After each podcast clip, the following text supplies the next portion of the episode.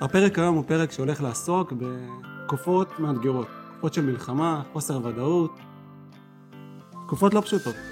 יש לי את הזכות לארח אדם מאוד מאוד מיוחד, הוא לפני הכל אה, אדם צנוע, אדם שנעים לדבר איתו ואדם מרתק.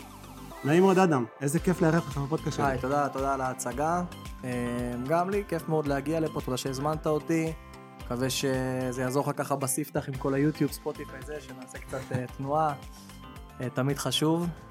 וכן, תקופה באמת, תקופה... בוא, לפי דעתי זו תקופה... שלא מצפים לה. לא, לא, לא יודע אם לא מצפים, כאילו, חשבתי שאולי אני אעבור מלחמות, אבל משהו שהוא דומה למה שראינו ב, ב, מבצעים. בסרבים עבר, מבצעים, כל מה שדיברו איתנו על איראן, דברים כאלה, חשבתי שזה כאילו סיפורים כאלה כדי להפחיד אותנו, לא, לא חשבתי שזה, אני לא מצליח להבין כאילו מה, מה האינטרס של מדינה שנמצאת כל כך רחוק מאיתנו, מה הם מצאו בנו, מה זה החזון המופרע הזה, כאילו להשתלט על העולם, של העולם. לא, לא, לא מצליח להבין. ו...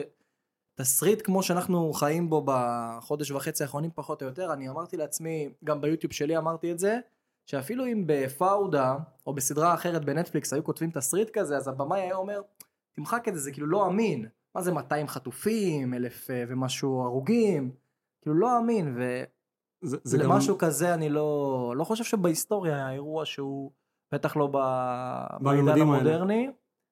שזה מצולם ולא משהו שסיפרו לך שהיה בתקופה התנ"כית או משהו כזה. ותקופה אה, מאוד מאוד מאוד קשה, נפשית, כלכלית, כל, כל, כל הבחינות. המנטלי זה החלק הקשה ביותר, כי זה נוגע בכל אחד ואחד במדינה הזו, כולם מרגישים את זה. כן, האמת ש... האמת שכן. האמת שכן. אה, מבחינה מנטלית, אה, האמת שהפתעת אותי כשאמרת לי שיש לך גם אה, הכרה אישית עם כל מיני אנשים ש... שנחטפו, אתה לא יכול להמשיך כאילו כרגיל, זה גם לא מלחמה רגילה, אני לא יודע איך להסביר לך, אבל אתה פשוט לא... זה מלחמה לבית. למשל בתחום שלי, כשאני, כשאני מדבר על מניות, אני מרגיש כאילו, מניות זה כאילו הנושא הכי משעמם בעולם עכשיו. מי אכפת ממניות? בתקופה, בתקופה כזאת, אתה מבין? לפחות ככה אני הרגשתי בהתחלה, אחרי זה...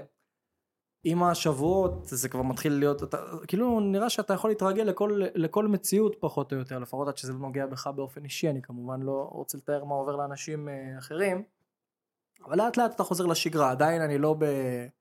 ממש לא בפול פאוור, לא בפול עבודה, והרבה זמן נשרף על להתעדכן בדברים שלא באמת מועילים לך בחיים, אבל אתה מרגיש ששם הלב שלך נמצא שם הדבר הנכון. כי זה מה שמייצר את הוודאות, את התחושה של הביטחון, סוג של ביטחון, אם אני אצפה בחדשות ואם אני אצפה בכל ה...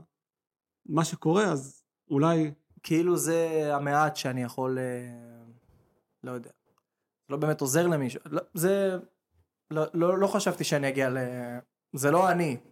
מי שאדם בחודש וחצי האחרונים מאז שהאירוע הזה קרה, זה לא האדם ההישגי התחרותי שאני הכרתי חודשים לפני זה, ואני אצא מזה כי לא שעכשיו אני הבעיה פה, כן, אני פשוט משתף אותך במחשבות שלי כי אני, לפחות מה שמנחם אותי זה שאני לא לבד בתוך זה. כאילו אני כולם. מניח ש, שעוד הרבה אנשים הם בתוך איזשהו לופ כזה של אה, מה קורה פה כאילו. אתה יודע אם אתה מניע את הרכב שלך עכשיו ואתה נוסע ממש שתי דקות נסיעה, יש אה, פה במרכז המסחרי את השולחן של ה-200 כיסאות ריקים, 200 חטופים. אה, כן, כן, ממש דקה נסיעה מפה. וכל פעם שאני מניע את הרכב ואני עובר שם, אני רגע לא נושם. זה, הוא יושב שם כבר חודש וחצי ואתה פשוט... כן. אני אגיד לך, אתמול הייתי גם בתל אביב והיה לי איזשהו מבחן. אמ, כאילו, אני קצת נעלמתי מהרשתות. ב... מה, מה זה נעלמתי? יש לי פעילות, היא פשוט ירדה במשהו כמו 80 אחוז פחות או יותר. אבל בין היתר כי היה לי איזשהו מבחן שהייתי צריך לעבור, מקווה, ש... מקווה שזה מאחוריי, למרות שאני לא בטוח. אבל סתם אתה מסתכל בתל אביב כאילו, כאילו הכניסה לתל אביב נהייתה עצובה. אני גם מסתכל איך השלטים התחלפו שם במהלך מפרסומות למודעות. מפרסומות וכל השלטים האלה על הרפורמה, תתנגדו, תתווכחו, לא, לא, לא יודע, כל הבלאגן הפוליטי שהיה שם, להכל של חטופים וכל מיני משפטים כמו אדוני אלוהינו אדוני אחד, וכאילו איך הכל ברגע השתנה. לפחות העם עכשיו הוא חצי, אפשר להגיד חצי כוח מאוחד. גם, אה, גם טוב.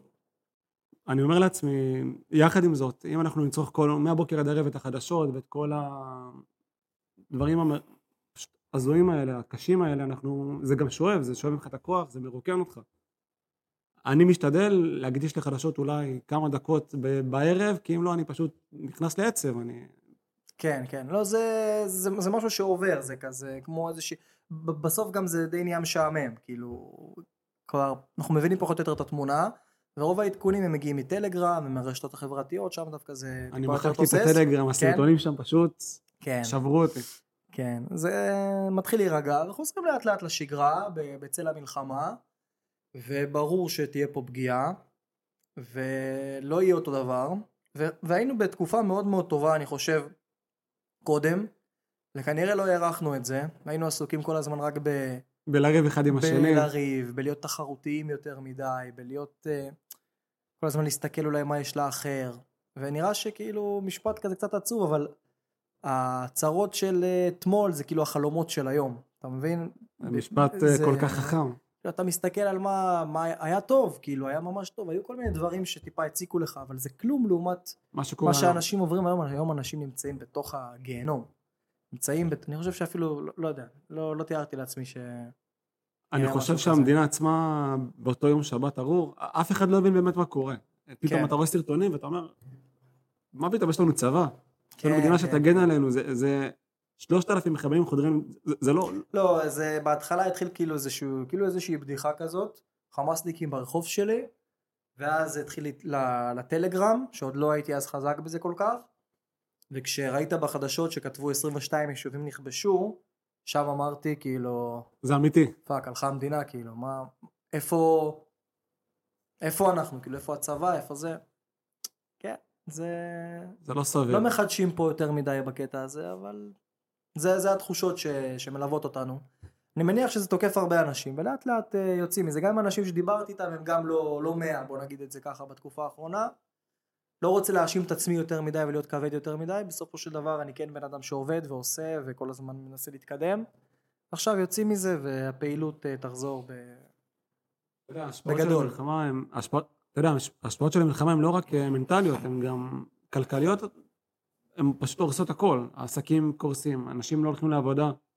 אין גם את השגרה הזו של לקום כל בוקר, מי, לא יודע, אנשים שהם שכירים, שמונה עד חמש, או את כן, הרוטינה הזו שמחזיקה אותנו, נקרא לזה, בתנועה. פתאום הכל פשוט נבלם, אז חווינו את זה בקורונה לפני שנתיים, שלוש, וזה שוב קורה, אבל עם scale הרבה יותר... כן, בקורונה זה לא כל כך תפס אותי במצב שבו זה הזיז לי יותר מדי, כי לא היו לי מחויבויות ולא היה לי ידיים משפחה ולא שכירות וכל הדברים האלה. שלוש שנים לאחר מכן, היום, כמעט ארבע שנים לאחר מכן, זה מצב אחר לגמרי. כאילו, משפחה, כל ההתחייבויות שבאות עם זה, מצב הרבה יותר מאתגר. לא רוצה לחשוב מה קורה לאנשים אחרים עם שלושה ילדים, משכנתה, חובות, בלאגנים שפתאום אה, הוציאו אותם לחל"ת, או שהם לא מצליחים לתפקד, או שהראש שלהם בכלל במקום אחר, ואין כל כך הרבה עם מי לדבר, וכולם... כל אחד זה- עסוק בצרות של עצמו, ויש הרבה צרות תשמע, זה. זה פשוט תקופה, בוא נגיד את האמת, בלי לייפות את זה, וזה זה פשוט גיהנום לאנשים. אני מאמין שחלק יצאו מזה מתישהו, אבל עכשיו, כאילו אין מה לעשות, זה, זה, מה, ש, מתכנן זה, מסלול זה, מחדש. זה מה שקורה, זה מה שקורה עכשיו. אומרים אה, שעם כל הצער וכל האתגרים, אומרים שדווקא בתקופות הללו של משברים, נוצרות הזדמנויות להשקעה, בין אם זה בשוק ההון, בין אם זה בעולמות הנדל"ן, עסקים.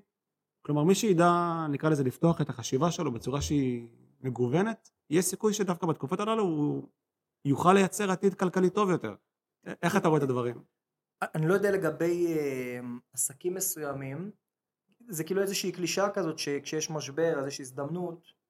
בפועל זה נכון, אם אתה מסתכל נגיד היסטורית על אה, משבר הקורונה או משבר הסאב פריים או מלא משברים שהיו בארצות הברית, אני לא יודע, אני, אני אדבר על התחום שלי שזה שוק ההון. אני לא רואה איזה עסק יכול לקום עכשיו ומהתקופה הזאת מאוד להרוויח, אלא אם כן אתה חברה שמתעסקת בנשק. בנשק. נגיד אבא שלי הוא מתחום הנשק והוא עוד לפני זה אמר לי ש-2023 זה השנה הכי טובה של המפעל שלהם, הוא מנכ"ל של, ה... של החברה שלו והוא לא עובד יומיים, הוא עובד בערך מאמצע שנות התשעים מאז שנולדתי פחות או יותר, אז הוא אמר זה השנה הכי טובה שאני זוכר כאילו עבודה מהבוקר עד הלילה.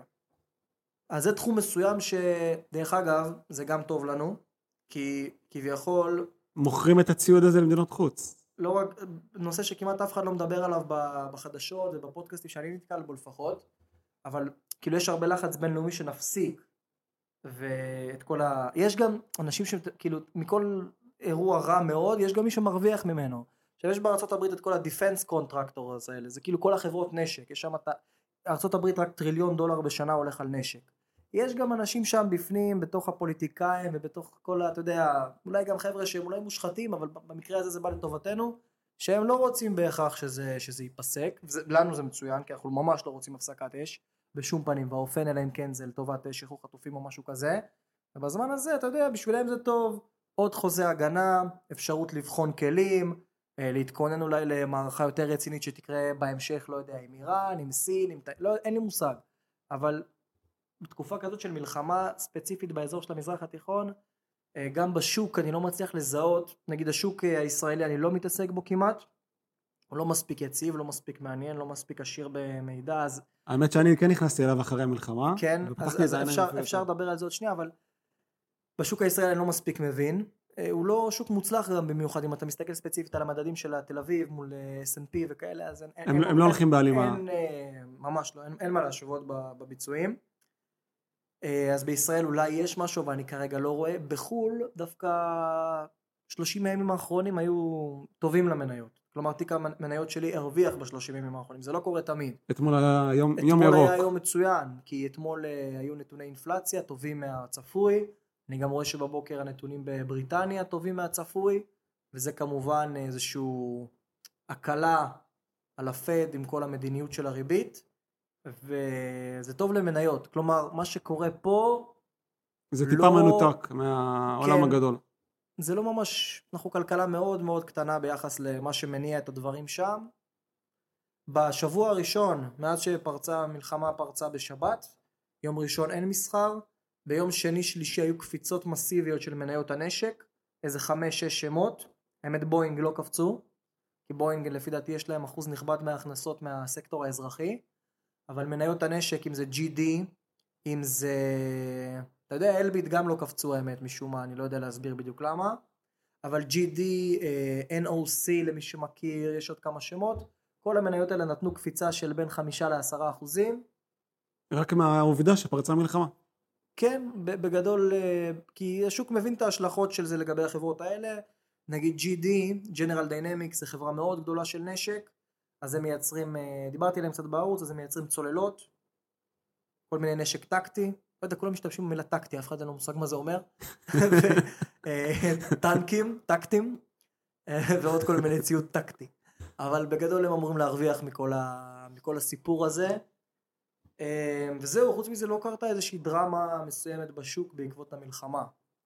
ואני לא מצליח לזהות שם, לעומת משברים קודמים, כמו הקורונה, ששם היו כל כך הרבה שמות שהרוויחו ספציפית מהסגרים, אני יכול להגיד לך ככה בשלוף, חמש שש שמות שהרוויחו, מה זה הרוויחו? הם בשנה אחת, מי שידע לשחק שם, הכפילו, שילשו פי ארבע, בין אם זה זום, נטפליקס, פלטון, אה, פלדוק, אחרי זה הכל כמובן אה, זה התרסק, אבל זה כבר סיפור אחר.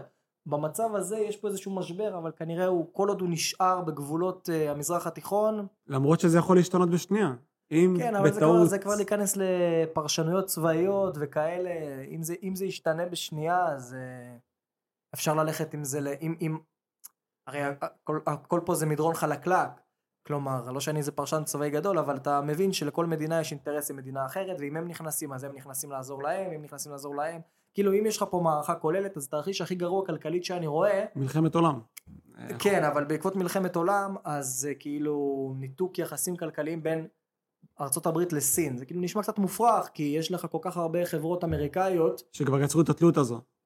כן אפל נגיד חברה הכי גדולה בעולם אז משהו כמו 20% מההכנסות מגיע מסין לטסלה יש מפעלים בסין חברות כמו קוואלקום אינווידיה הרבה מאוד הכנסות כאילו לא אבל אני כבר לא אני לא אומר זה לא יכול לקרות כי אני כבר הבנתי ש... שהכל יכול לקרות. מה בעצם משך אותך לשוק ההון אתה יודע הרבה אנשים בגילאים שלנו אה, בזמן הזה עסוקים ב... קל לזה להתבטל, לצפות בנטפליקס מהבוקר עד הערב. בגיל שלנו? לא, לא חושב. טיפה גם לפני, אין באמת חינוך פיננסי במדינה. אין, אין את ה drive הזה ללמוד את זה, זה משעמם, זה מפחיד, שוק ההון זה, זה מסוכן. מה משך אותך לעולם הזה? אמ, אין חינוך פיננסי, אבל זה גם איזושהי מין... אה, לא יודע, מין סיסמה כזאת, כאילו כנראה זה לא באמת מספיק חשוב כדי שזה ייכנס למערכות החינוך. צריך קודם כל באמת הבסיס של מתמטיקה, פיזיקה, כימיה, אנגלית, וחינוך פיננסי, מי שרוצה לדעת את זה, אז כאילו, יש מספיק כלים ללמוד, במיוחד אם אתה... יש לך טלפון אנגלית. ויוטיוב. בדיוק, אם יש לך יוטיוב, היום אתה אומר גם ספוטיפיי, אה, מי שרוצה ללמוד ילמד, לא צריך, לא, לא, לא, לא רואה את זה גם נכנס למערכת החינוך, גם ככה הכל, תחשוב על עצמך עכשיו בתור ילד בן 16-17, יש לך כוח עכשיו בנוסף לכל ההיסטוריה, תנ"ך וזה, כשכל מה שמעניין אותך זה חדר כושר, כדורגל, בחורות, בילויים, עוד ללמוד שיעור על מניות, כנראה שהיית מבריז ממנו, זה מה לא שאני הייתי בטוח. עושה. אני לא בטוח שהייתי מבריז. אתה יודע מה? גם אני חושב- ככה בגיל 17 אין לך באמת כסף, אז מה, מה תעשה עם זה? עד, ש, עד שיהיה לך כסף כבר תשכח מה... אבל כל. ב- בעולם ההשקעות, שאתה לא חייב להיות עשיר כדי להשקיע, אתה יכול להתחיל- להתחיל גם מחינוך, שלמשל להפריש כל חודש, ובגילאים האלה אנשים עובדים, הם ממלצרים, עובדים בעבודות זמניות, להפריש 500-600 שקלים כל חודש, אתה מגלה שאתה יכול לייצר תשואה לכסף הזה, תשואה ש... של כן, ריבית דריבית. זה, זה נחמד, זה... זאת התחלה של זה- חשיבה, זה- של זה- mindset. זה חשיבה נחמדה והכל, אבל בתכלס בשביל להשקיע צריך כסף. 500-600 שקל זה כאילו נחמד כדי להתחיל, אבל... זה זה את יהיה הגלגל. לך, כן, זה, אם אתה מאוד צעיר זה עדיף על כלום, אבל בוא, כדי להשקיע ולהרגיש מזה משהו, שזה זז, אתה צריך שיהיה לך כמה... אתה צריך סכום התחלתי צריך- שהוא יפה. צריך סכום התחלתי שהוא יפה, ולבוא קצת עם איזשהו גב, ועם איזשהו ביסוס, וכנראה מי שמקבל את ההחלטות מבין שזה לא, לא נכון להכניס את זה לבית ספר. וכל המנטורים האלה שאתה קופצים לך בטיקטוק, אין חינוך פיננסי, זה בסדר, זה סתם איזושהי... אז מה בעצם האסטרטגיה שלך? שאלת אותי מה משך אותי, זה, זה התחיל אה, מזמן, אחרי הצבא, למזלי, חסכתי כסף, כי הייתי לוחם רוב השירות, וזו הייתה משכורת נחמדה, כי אתה לא מבזבז כלום, כמעט. בסיס סגור רוב הזמן. כן, היה לי יציאות ממש לא טובות. אז היה לי מה להתחיל, ואז אה, כאילו זה כן היה רלוונטי עבורי. אה, איך זה התגלגל? אני לא, לא זוכר בדיוק את ה... היה פעם חבר שכאילו דיבר איתי על זה קצת, הוא דיבר איתי על, אה, על שהעולם הזה קיים בכלל, זה היה ממש ממש רחוק ממני. אני זוכר שפעם אחת הגעתי לאיזשהו כנס של אה, נוכלים, ממש כנס של, אה, ממש עבריינים כאילו אני קורא להם, שמנסים לדוג כל מיני טמבלים כאלה שיוצאים מהצבא ולמכור להם חלומות, משהו, משהו עברייני אני חושב שאני יודע על מה מדובר, אבל משהו, נשאיר את זה אה, יש, בצד. יש הרבה עבריינים, הם בטופ שלוש, בוא נגיד את זה ככה. אבל מה שטוב, היה שם כנס ממש של שטיפת מוח כזה. הייתי אז בשיא טמטומי, למזלי, יש לי משפחה שלא נתנה לי להיכנס לזה. הם כמובן ממרידים אותך נגד המשפחה, אבל עזוב, לא משנה. אמ, אבל שם דיברו טיפה על אילון מאסק. שדרך אגב, הוא מתחיל לעצבן אותי לאחרונה עם כל האמירות שלו נגד ישראל, אבל כשדיברו איתי על אילון מאסק, אמרתי בואנה, הבן אדם הזה ממש מוכשר, ממש גאון, ממש זה. ואז שאלתי את אותו חבר שדיברנו עליו לפני דקה, "אה, מה אתה אומר על להשקיע בטסלה? אז הוא אומר לי שזה רעיון אה, לא רע. ומשם התחלתי לחפש כל מיני Tesla stock ביוטיוב, ואתה מתחיל לאסוף חלקי מידע. ומתחיל, אה, זה היה ממש אה, תחילת זה לא ממש, כן, זה אפשר להגיד תחילת העידן של היוטיוב הפיננסי. והייתה שם דמות בשם ג'רמי מערוץ Financial Education, היום זה ערוץ עם אה, הרבה ל- הרבה מאוד עוקבים. כן, קרוב ל-800 אלף. זה בחור עם הרכב בח- בחניה, נכון? אה, כן, זה הבחור עם הרכב בחנייה. אה, יש לי הרבה ביקורת עליו, אבל זה כבר לאנשים שיותר מכירים אותו. ו... הוא טיפה מסחרי כבר אה, בחוויה. כן, זה לא רק זה, הוא הפסיד המון המון המון כסף. יש לו איזשהו סוג של, מי שמכיר יודע שגם אמרתי שיש לו בוודאות התמכרות להימורים, אבל ב, כשהייתי בתחילת הדרך גם לא היה הרבה אלטרנטיבות אחרות, היה אותו, היה את פילטאון אם אתה מכיר, ואז התחלתי למצוא את עצמי במצב שמלהתעניין במה זה מניית טסלה, אני מוצא את עצמי מה זה השקעות בעצם? הייתי מוצא את עצמי מה זה השקעות בעצם? הייתי מוצא את עצמי לא יודע 11-12 שעות ביום ביוטיוב על הסרטונים שלו סרטונים ישנים. הוא היה מעלה שתי סרטונים ביום כל סרטון בין 20 דקות לחצי שעה. פיל טאון היה עוד בחור שכולם הם פועלים עד היום דרך אגב. אנדרי גיק. אה, אנדרי ג'יק. מכולם ירד לי כי עם הזמן שאתה מבין יותר את העולם אתה מבין שגם פעם הם לא סיפרו לך את זה בדיוק בצורה שבה אתה מאמין היום לפחות.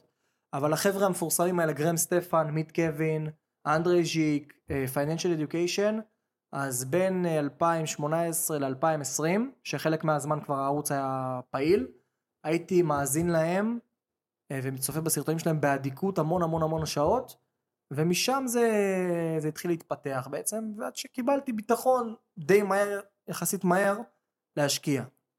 עכשיו זה היה ממש מוזר כי אף אחד בסביבה שלי הוא לא לא מהעולם הזה. ממש לא רק שהוא לא מהעולם הזה בזמנו הם היו מאוד אנטי לעולם הזה. כמו שאתה מכיר את כל המשפחות ה... הרגילות. מה זה, כן, מה זה בורסה, זה קזינו וכל הדברים האלה. והייתי בטוח שכל המשפחות בעולם זה ככה. כשהתחלתי להיחשף יותר אמרתי בואנה יש אה, משפחות ששם ההשקעות זה כאילו באהלן אהלן זה כאילו בסדר לא גמור. אבא משקיע בן משקיע. כאילו יש כאילו זה רק משהו שאני הכרתי זה לא ככה נכון אצל כולם. זה מה שהערוץ כאילו בעצם עזר לי להבין. עדיין הידע או החינוך הפיננסי הוא בתחתונים בארץ כן הוא עדיין מאוד מאוד נמוך אבל אה, מתחיל אבל הידע- הידע קיים בכל מקום, רק צריך ל- להסתכל ולאסוף אותו. אני מרגיש שהערוץ עזר לזה קצת אה, לקבל איזשהו drive, הערוץ. הזה, אולי גם עוד ערוצים אחרים, וכאילו זה מתחיל לקבל יותר מודעות, ואני מרגיש שהיום יותר סטודנטים מתעסקים בזה, יותר צעירים מתעסקים בזה, וזה יותר נגיש, זה חשוב מאוד. תראה, גם כשאתה מתחיל לחקור על העולם הזה, אתה מגלה שיש מגוון אדיר של אסטרטגיות. אסטרטגיה אחת יכולה להתאים לאדם מסוים, אסטרטגיה אחרת לאדם אחר, ואתה מגלה שאפשר גם להרוויח כסף בצורה, נקרא לזה פסיבית, באמת פסיבית, מבלי לקום כל בוקר לעבודה ולהרוויח כסף.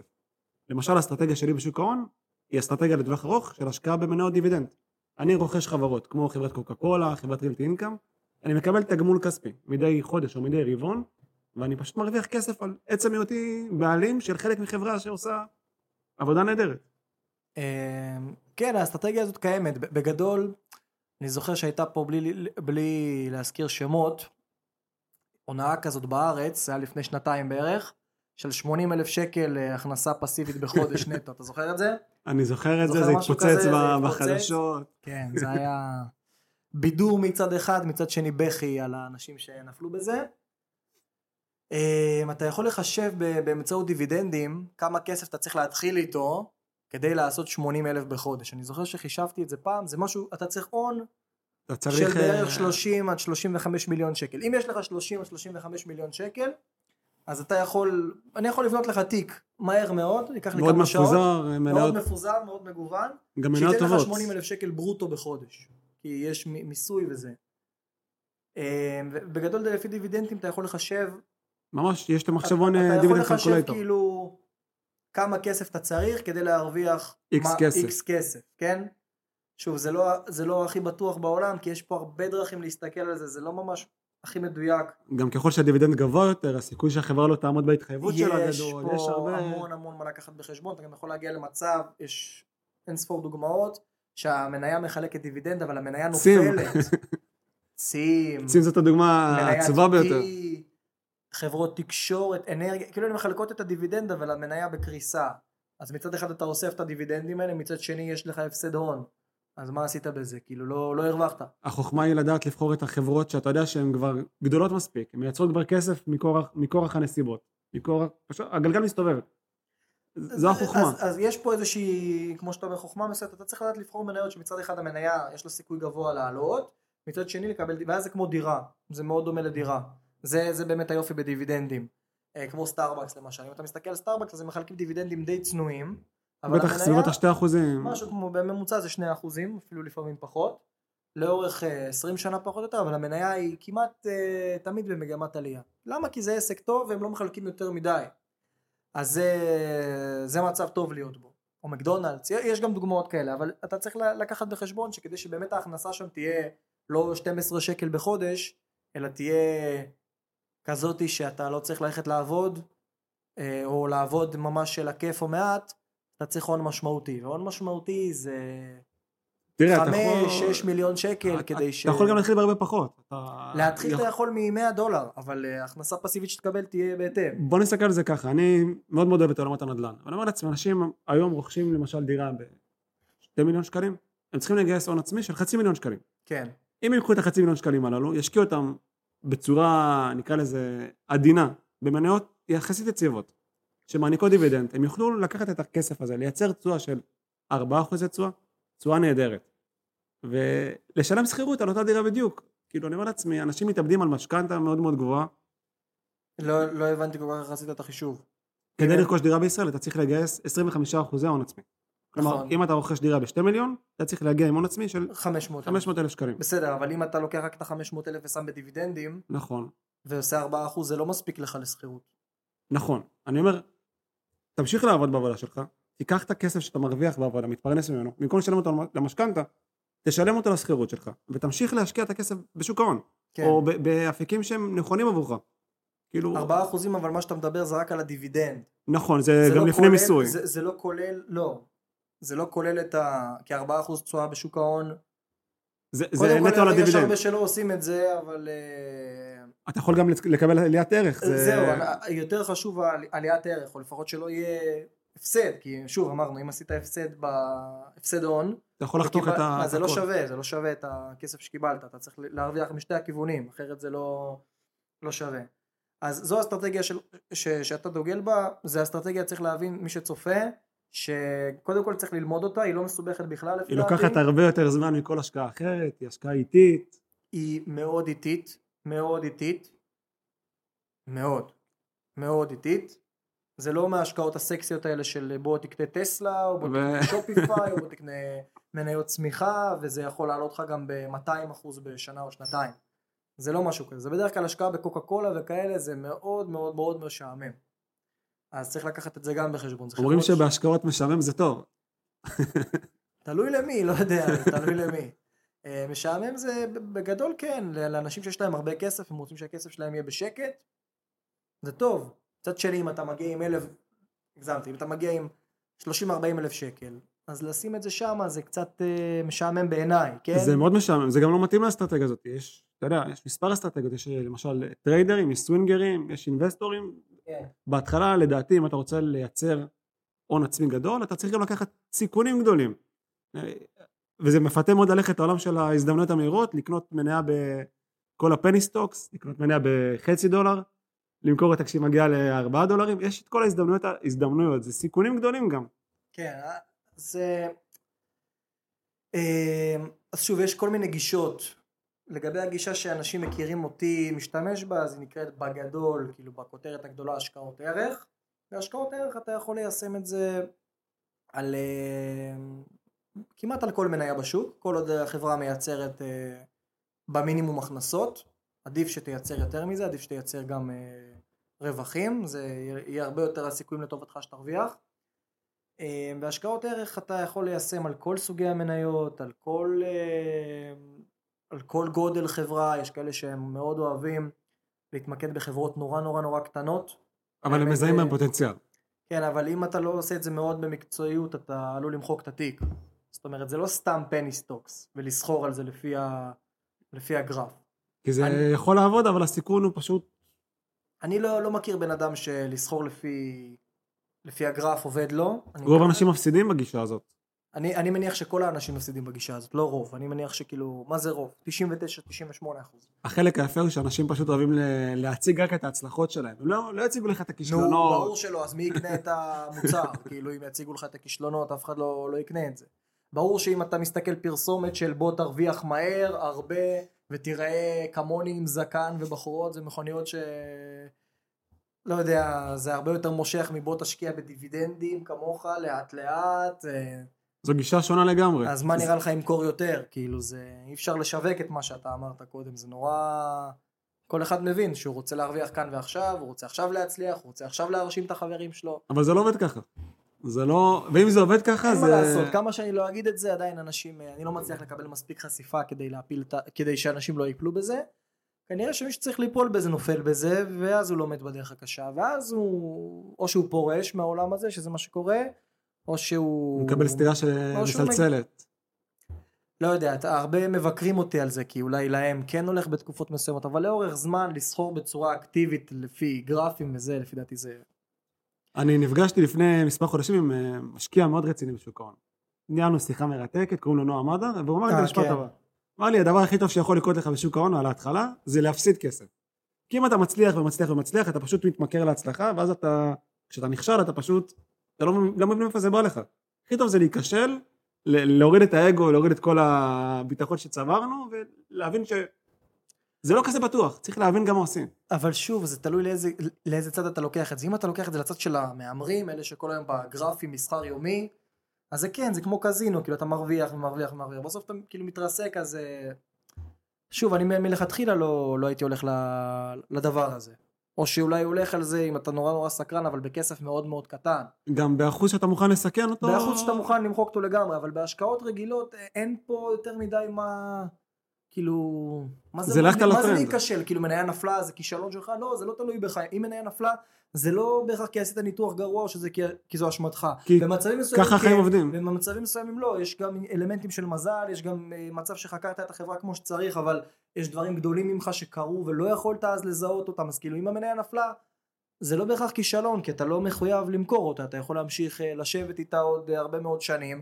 אם אתה מסתכל על אפל, אמזון, נטפליקס, טסלה, כל המניות האלה בשלבים מסוימים הם נפלו, אז מי שהשקיע שם הוא נכשל? לא, כי לאחר מכן זה תיקן את עצמו, ואם הוא היה מספיק סבלני אז הוא הרוויח בגדול, ו...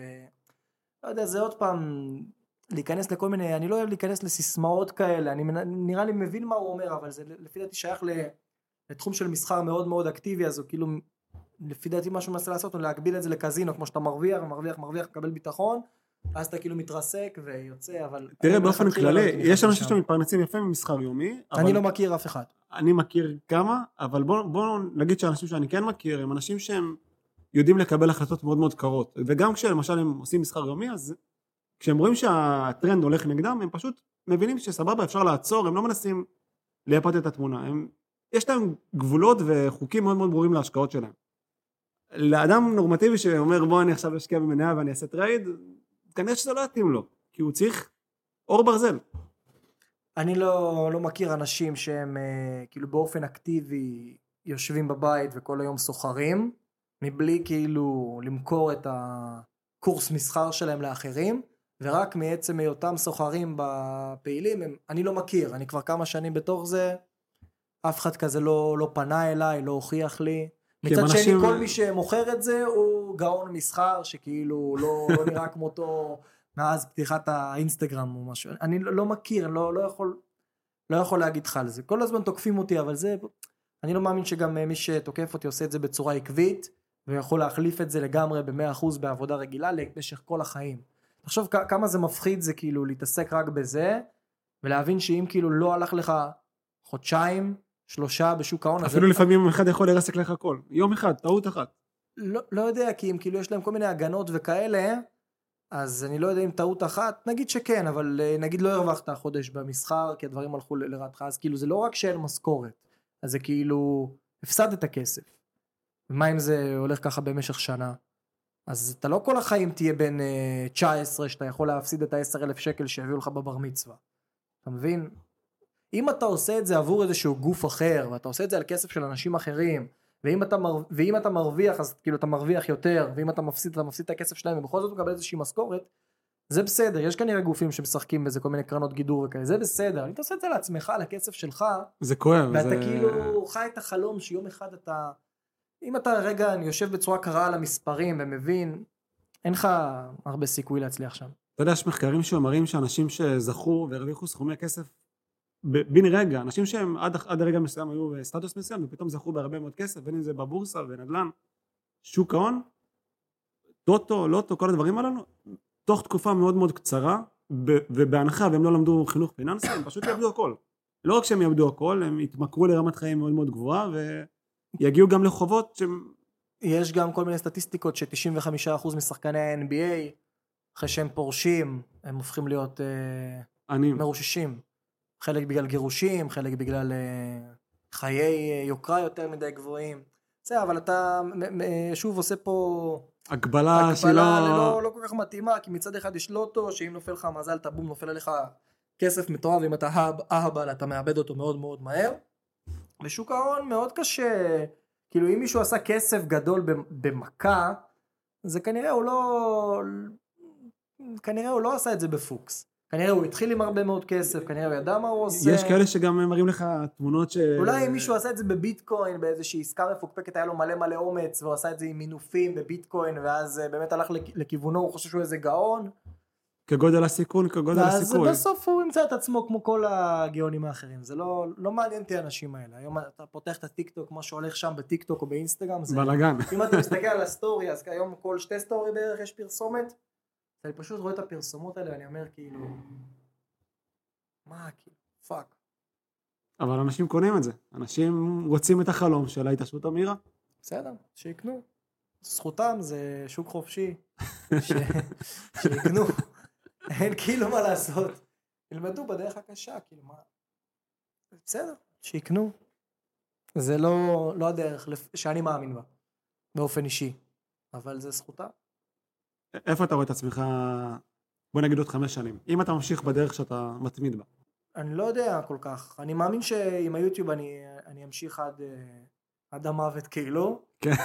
אבל uh, הכל עכשיו שונה, תראה, מבחינת uh, תוכן יותר קשה לייצר אותו, כי הראש לא במאה אחוז, השוק, הוא, הוא, אני אגיד לך, הוא פשוט נהיה לי משעמם ב, בחודש האחרון. כי הראש סוטה למקומות אחרים. כאילו איך אתה יכול להסתכל על מניות ודוחות כספיים ומספרים ולקרוא את זה, כשברקע אתה שומע את יש האזעקות. מלחמה, אזעקות, רצח, טלגרמים, קרבות. אני הרבה בתקשורת שבחו"ל, שם הרבה יותר מעניין דרך אגב, אם אתה רואה פירס מורגן וקצת אה, ערוצים כמו TYT, CNN, אתה מבין, רק עכשיו התחלתי להבין מה זה אנטישמיות בכלל, לא ידעתי מה זה לפני זה מסתבר. לא משנה, כל זה נהיה לי הרבה יותר מעניין ממה שאני הייתי עושה עד עכשיו, אז מאוד מאוד קשה היה לי להתרכז. זה משהו שלאט לאט עובר. אמ, כן, אני... וגם, וגם לקהל, חלק במילואים, חלק הוא פחות או יותר באותו מצב כמוני. אז אני מרגיש את זה גם בתגובות, בצפיות, וזה פשוט אה, תקופה לא פשוטה. תקופה לא פשוטה. אנחנו אבל נעבור את זה, אנחנו כן, עם כן, שלומד זה- לצמוח מ- מ- כן. מהדברים הכי נוראים אנחנו צומחים. זה זה מה שמייחד אני את העם מניח שלנו. שזה עוד כמה שבועות יהיה הרבה יותר, אה, הרבה יותר טוב, הרבה יותר קל. אבל החזון ההתחלתי היה להמשיך עם היוטיוב חזק, להעלות תמיד את הרמה, יותר תכנים, יותר סרטונים, אה, גם אני הייתי אוהב לעשות הרבה מאוד פודקאסטים בסגנון הזה, היו הרבה אנשים שאירחתי, אה, בין אם זה משוק ההון או בין אם זה מתחומים אה, חופפים. וכמובן כאילו כל מה שקשור ל... להעברת התוכן בשירותי פרימיום יותר, שמזה אתה מתפרנס. אבל עכשיו כל זה נראה פשוט אה, רחוק. שונה, פשוט שונה, פשוט פחות רלוונטי. אתה מרגיש שעולם ההשקעות הופך אותך לבן אדם, נקרא לזה הרבה יותר אה, טוב? כלומר, אתה מסתכל על דברים בצורה הרבה יותר רחבה, או ש... אמ, לא יודע. מה זאת אומרת אה, טוב? אם אני יכול להעיד על עצמי, לפני שהגעתי לעולמות ההשקעות, הייתי אדם אחד. אחרי שהגעתי לעולמות ההשקעות, הרגשתי שאני פשוט מתפתח. בין אם זה למשל כישורים של בנדל"ן, כישורי משא ומתן, כישורי תקשורת, הובלת אנשים. אני מרגיש שהעולמות הללו של ההשקעות חושפים את המשקיעים להזדמנויות שהן נמצאות בכל מקום, אבל רק כשאתה ב mindset הזה, אתה יכול לפגוש את ההזדמנויות האלה. כלומר, עצם העובדה שאתה שייך לעולם ההשקעות, אתה נחשף לאנשים מעניינים. הנה, תראה, שיחה שלנו עכשיו. אתה נחשף להזדמנויות שיש אותן בכל מקום, אבל כשאתה שם אתה רואה את זה. זה, זה לא מגיע מעצמו. כן. לא, אני יצא לי לפגוש המון אנשים בשנים האחרונות, בעיקר בצורה וירטואלית, כן? אני, אני יותר אוהב דווקא את הגישה הזאת. אה, למזלי גם הרבה אנשים הגיעו אליי פיזית לבית, לכל מיני מפגשים כאלה ואחרים, אז זה גם מאוד נחמד. אתה נהיה יותר טוב בפיתוח כישורים שלך, כישורי מכירה, כישורי שיחה, אני מרצה המון המון שעות. לא, לא ידעתי שיש בתוכי את הבן אדם שיודע להעביר יש לי הרצאות שאני מעביר שעתיים פתאום, שעה וחצי, כאילו זה הממוצע בין שעה וחצי לשעתיים.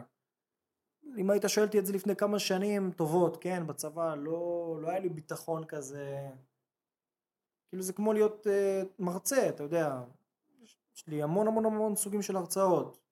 הביטחון העצמי עולה, אני איש של מצלמה, אף פעם לא חשבתי שזה יהיה לי כל כך אה, טבעי להופיע מול מצלמה כל הזמן. וזה, ויש לי יחסית הרבה חשיפה, אתה יודע. כי אתה עושה עבודה נהדרת, אתה משדר אותנטיות. זה מה שהצופה מחפש, את האמת. אני משתדל, אתה יודע. זה במסגרת שלנו. אני מניח שאם הייתי יודע, כאילו אם הייתי עושה את זה ב, אולי בשפה אחרת, השוק שלנו פשוט מאוד מאוד קטן. אבל ביחס ל, לכמות שהם פה מתעסקים בהשקעות, עוד בנסיבות הכלכליות עכשיו נראה לי, היה כבר כל כך הרבה התקדמות, אתה יודע, כל כך הרבה יותר אנשים נחשפו לזה. עכשיו בעקבות המכה הכלכלית הזאת אני אומר בואנה אנשים כאילו השקעות הם יחשבו רק איך לשרוד. איזה השקעות? כאילו אני לא מדבר על הבן אדם המסודר, אני מדבר על הבן אדם הרגיל. שורד, האדם ששורד. הוא נפלה על, על הרבה אנשים, נפלה עכשיו מכה, הוא כאילו אם הוא, אם הוא פעם חשב על יש לי איזשהו חיסכון אני אשקיע. עכשיו הוא אומר, החיסכון הזה זה הקופת חירום שלי. בדיוק, אחרי הבוקר של השביעי לאוקטובר, הוא אומר "אה, צריך לחשוב טוב אם עכשיו אני יכול לנעול את הכסף הזה לתקופה מאוד ארוכה כמו שתכננתי בעבר. אה, אז אה, זה פשוט כל הקלפים מתערבבים מחדש. כן, גם מראה לך שלא הכל בשליטתך, אתה רואה האירוע הזה, לא יכולתי לעשות איתו כלום, פשוט קרה. עכשיו אנחנו נצטרך להמציא את עצמנו מחדש בתקופה הקרובה, ולצאת מזה חזקים. בסוף אנחנו תמיד יוצאים, בסוף כאילו אני באופן אישי, על עם ישראל אין מה לדבר, זה כאילו בטוח שנצא מזה, אבל גם אני, היו לי הרבה מאוד משברים בחיים. אה, בסוף- משברים אה, יוצרים בסוף- התפתחות. כאב בסוף, יוצר גדילה. בסוף, אז זהו, בסוף תמיד זה יצר משהו טוב, אתה מסתכל בדיעבד, אתה אומר זה היה לטובתי, ככה אני מאמין. וגם הפעם זה, וגם הפעם זה יהיה ככה לדעתי. הלוואי. אה, אני חושב שרק על ידי כאב אפשר לצמוח. כי אם נוח לך ואם הכל טוב, אתה תישאר באזור נוחות שלך, וכשכואב לך, אתה פותח את, ה... אתה פותח את המחשבות, אתה כן, מרחיב את האופקים. אתה צודק, זה לא ייקח כל כך מעט זמן, אבל זה בסופו יכול של לקחת דבר, הרבה זמן. אבל בסופו של דבר, אה, בסופו של דבר, כן, כי אין לך כל כך ברירה. אין לנו אין- ארץ אחרת. אין כל אה, כך אה, ברירה. כן, ארץ אחרת, אין לך כל הקלישאות האלה, you know, אבל... היה מצחיק, ראית את הסטנדאפ של אדיר מילר לפני כמה ימים? לא? לא, לא צפיתי. תסתכל, מצחיק, כאילו, גם הוא עושה כזה בדיחה שהוא דיבר עם חבר שלו, אין לי ארץ אחרת, אין לי ארץ אחרת, אז הוא שאל איפה אתה, אומר, אני בקפריסין עם הילדות, ברחתי לכמה ימים. זה... הוא עשה ממש סטנדאפ, אה, חבל הזמן, ב-12, לפני כמה ימים. חייב לצפות אותו. כן, אז בגדול, אין, החיים ממשיכים. כן, כן, החיים ממשיכים. חיים ממשיכים, אין ספק. אז אדם, דיברנו בשיחה שלנו, כמובן ברוח המלחמה, על אה, עולמות ההשקעות, עולמות המניות, השקעות ערך, דיבידנדים, טריידים. דיברנו גם על המצב הביטחוני, על זה שזה נוגע בכל אחד ואחת מאיתנו בנפש, במוטיבציה. ובואו ניקח את הסיטואציה, את הרגע הזה, ונאחל אה, לחיילים שלנו, לשוטרים, לכוחות הביטחון, לאנשים בעורף, לאנשים בחזית, שנעבור את זה בהצלחה. ו... כן, יש לנו את האנשים באמת הכי טובים בעולם. מ... יש לנו את האנשים הכי מסורים, הכי טובים בעולם. מהמחקר שאני עושה כל היום ברשתות, יש לנו גם את התמיכה של האנשים בחו"ל, הטובים איתנו, הרעים נגדנו. אבל עכשיו אתה רואה את הפרצופים האמיתיים של כולם. אז אני לא, לא חושב שבאמת יש לחץ בינלאומי. אלה שיש להם טיפה מוח בחו"ל, מבינים עם מי יש להם עסק, והם מבינים שאנחנו נלחמים בשבילם, והם מבינים שאם לא, אז הם הבאים בתור. ויש בי גם איזשהו חלק קטן מאוד שלאלה שנגדנו, שהם איכשהו צריכים להבין אה, עם מי הם צריכים להיות, אז אה, יש דרך להראות להם את זה. אני מאחל להם שהם אני לא, שהם לא יחוו את אני זה. מקווה שהם לא יחוו את זה, אבל אה, כשאתה רואה את הגלים האלה של, ה, של השנאה. של השנאה, סתם, הרי לא אכפת להם באמת מהפלסטינאים או מעזה, לא אכפת להם, הרי מוסלמים רוצים אחד את השני במדינות כאלה ואחרות כל הזמן. אף אחד לא אכפת. כאילו אף אחד לא פותח עם זה BBC, CNN, כל... אף אחד לא אכפת מזה. אבל כשזה ישראל בתמונה ושישראל מגנה על עצמה, אז אתה רואה לא את בסדר. הפרצוף של האנטישמים, ו... אתה יודע, זה גם, מגיע מאוד מאוד מהאוניברסיטאות הכי... בקיצור עזוב, ברור שאנחנו נצא מזה הכל יהיה בסדר, מחזקים את הכוחות, יש לנו את האנשים הכי טובים, כולם מאחוריהם, אה, צריך להשלים את המשימה, אה, אני מקווה שלפחות מי שהלך, מי לא שנרצח. אה, בתקופה, הוא לא הלך לחינם, כי לא היינו מקבלים בחיים לגיטימציה, לא מבפנים ולא מבחוץ, לפעולה בסגנון הזה. אה, שאולי היא תצליח באמת למחוק את הארגון טרור המזעזע הזה חמאס אה, ואני מקווה שגם יטפלו בצפון כאילו ובלי האירוע הזה בלי הזוועות האלה זה פשוט לא היינו מקבלים את התמיכה לעשות את זה שוב לא מבפנים ולא מבחוץ כי אם בתחילת אוקטובר הייתי אומר לך בוא נעשה את מה שנעשה ונפגע בכלכלה היית אומר לי לא זה לא הזמן לא עושים את זה עכשיו לא עושים את זה אף פעם, אף פעם זה לא לא הזמן היינו המתאים. עושים את זה, לא היינו, כאילו אנחנו יכולים רק להגיב, אתה מבין? אז אין מה לעשות. אה, עם כל הצער שבדבר. אז אני מקווה- שמתוך זה, לפחות לילד שלי, הוא כבר לא, הוא כבר לא ידע מה זה שואה כזאת כמו שאנחנו עברנו. מיני שואה כזאת. שכשהוא יגדל, אני מאחל לו שיגדל למציאות הרבה יותר אה, כן, בטוחה. הרבה ושלווה. יותר בטוחה. ומכל שאר הבחינות, אתה יודע, עשינו את הפודקאסט באווירה מלחמתית כזאת, טיפה בטונים יותר רגועים, אבל זה מה שמתבקש לפי דעתי בתקופה הזאת, הכי נכון לעשות. אתה לא רוצה, אנשים, מי שיצפה, הוא לא רוצה לצפות ולראות אנשים צוחקים ומסתלבטים ומספרים כמה שהחיים שלהם ורודים וטובים, כי זה לא המצב. כי זה לא, גם לא, זה לא המצב, זה גם לא, לא הזמן לעשות את זה, אתה מבין? אז מיישרים ככה קו עם התקופה, לפי דעתי זה הכי נכון. כאילו ככה אני מרגיש הכי נכון. גם אם. אתה רואה את היוטיוב שלי עכשיו, אז הוא במוד כזה יותר אה, מתנצל כזה, כאילו אני בכלל מצטער שאני עושה סרטון, יעני, זה מצחיק. לגמרי. אדם, תודה ענקית. תודה. שמחתי לדבר איתך, שיחה מרתקת. הלוואי ונצלח את התקופה הזו, וכשנצלח אותה, אנחנו... כן, נעשה עוד פגישה כשהמצב טיפה משתפר, אתה תראה שאנחנו, עוד יהיו ימים יפים, אנחנו עוד נדבר בטון אחר מה שנקרא. הלוואי. כן, אדם, תודה ענקית. נהניתי מאוד. גם אני.